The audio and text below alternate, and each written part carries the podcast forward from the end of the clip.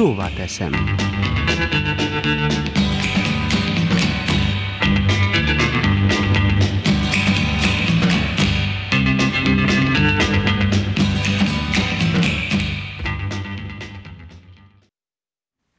Szép jó napot kívánok a rádió hallgatóknak! Jó egy hete, hogy vége lett a mindannyiunk által radgonai, újonnan csak agrának nevezett vásárnak. Közel 34 éve, hogy minden évben végigjártam, végignéztem a vásár kínálatát. Nálunk ugyanis családi tradíció, hogy ezen részt vegyünk. Évek óta a család apraja, nagyja útra kell, és megtekinti a vásárt. A kiállításon családunk minden tagja talált érdekeset magának. A férfiak természetesen a gépeknél akadnak el, nézegetve, tervezgetve, hogy mi az, amivel családi gazdaságunk eszközpartját bővíteni tudnánk. Mik az újdonságok, melyek lennének árban is elérhetőek. Mi asszonyok pedig inkább a pavilonok kínálatában mélyedtünk el. Aztán már munkaköri kötelességem lett a vására járás. Ha visszatekintek, akkor úgy érzem, hogy az első évekből valódi vásári forgatagra emlékszem elfogadható árakkal. Aztán érezhetően jöttek a szűkösebb esztendők, csökkent mind a kiállítók, mind a látogatók száma. Az árak növekedni, a gazdatársadalom pedig öregedni kezdett. A gépparkban egyre több nagy gépezet jelent meg, de azért a szervezők vigyáztak arra, hogy a legkisebb gazdák is megtalálhassák a maguknak megfelelőt.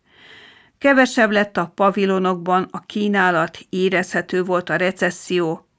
Aztán az elmúlt öt esztendőben megérzésem szerint ismét változott valami.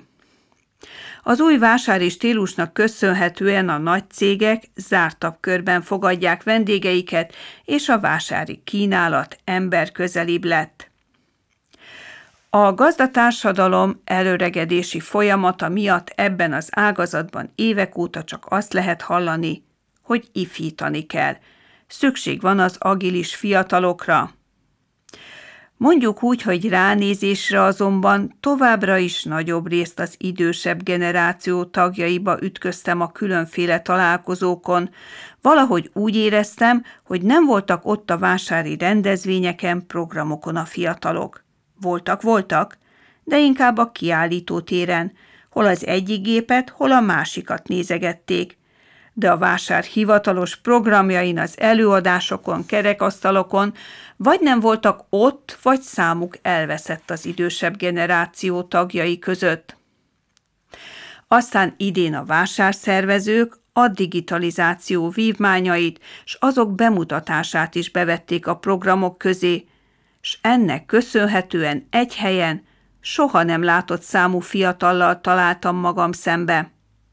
Fiatalokkal, akik nyitottak az újdonságokra, akik alkalmasak a jelenkor technológiai eszközeinek használatára, legyen az számítógép, mobiltelefon, szatellit felvételek adatainak alkalmazása és meg annyi más, ami az idősebb generáció számára mondjuk úgy, hogy hottentotta. Mindenki a tudás intenzív technikai forradalmáról beszél, s csak remélhetjük, hogy fiataljaink valóban fel tudják venni ezekkel a lépést.